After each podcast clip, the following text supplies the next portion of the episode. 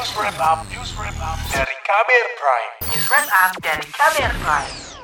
Saudara gempa yang mengguncang Cianjur, Jawa Barat awal pekan ini menyebabkan jatuhnya seratusan korban jiwa. Sistem peringatan dini atau early warning system masih harus diperbaiki. Selain itu, pemahaman masyarakat untuk meminimalkan risiko dampak bencana perlu ditingkatkan. Berikut saya hadirkan laporan khas KBR yang disusun jurnalis Astri Yuwanasari. Lembaga Ombudsman RI mencatat penanggulangan bencana di Indonesia masih memiliki banyak masalah, terutama pada tahap pra-bencana dan tanggap darurat.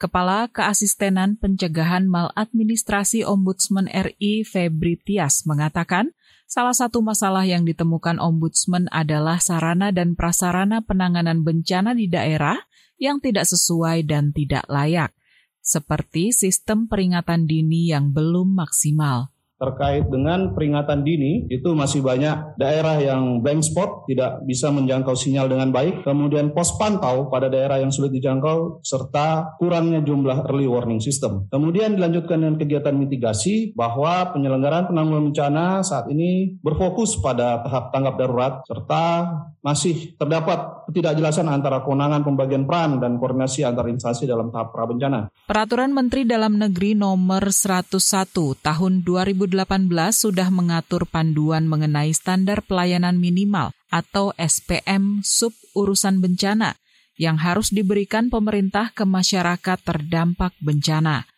Namun staf teknis Badan Penanggulangan Bencana Daerah BPBD Provinsi Nusa Tenggara Barat atau NTB, Mustakim mengatakan, panduan pemerintah pusat itu sulit dipahami petugas di lapangan maupun masyarakat mereka juga tidak memahami apa yang harus kami laporkan terhadap kondisi-kondisi pelayanan pemerintah terhadap kami sebagai masyarakat korban bencana. Nah itu barangkali kondisi yang kami alami di Provinsi NTB.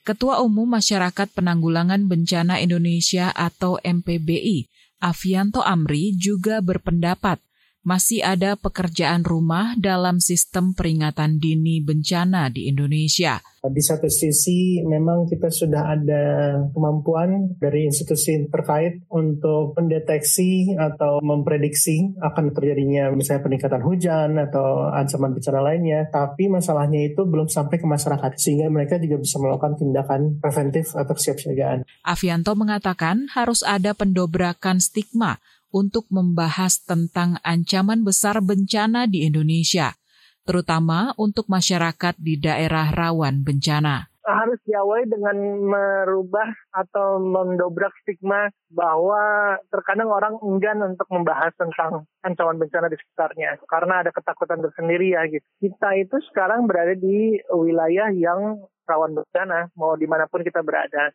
kita harus bisa nyaman untuk mendiskusikannya dengan cara yang positif gitu dengan cara yang konstruktif untuk memastikan bagaimana kita menyelamkan diri atau aman dari bencana. Jangan kita menghindar mendiskusikannya gitu ya atau enggan untuk belajar karena khawatir atau takut ada ada juga kadang-kadang ada mitos yang kok bencana diobrolin ya gitu nanti kayak mengundang-undang terjadi bencana nih gitu. Uh, padahal ini ada topik yang sangat penting dan uh, kita harus mulai dari mendobrak stigma itu bahwa kita sebenarnya bisa selamat dari ancaman bencana kalau misalnya kita tahu apa yang harus dilakukan. Kalau boleh kita mengenali resikonya dan bisa mengurangi bahayanya. Di daerah, Gubernur Jawa Tengah Ganjar Pranowo mengajak seluruh elemen masyarakat lebih peka terhadap sistem peringatan dini bencana alam yang telah disampaikan oleh pemerintah maka early warning sistemnya baik yang sifatnya peralatan modern maupun yang sifatnya kearifan lokal mesti sekarang didorong terus menerus sehingga nanti begitu itu bisa kita cegah insya Allah tidak ada korban. Kadang-kadang bencananya tidak bisa kita hindarkan tapi selamatkan dulu korbannya. Yang kedua setelah terjadi maka respon cepat yang perlu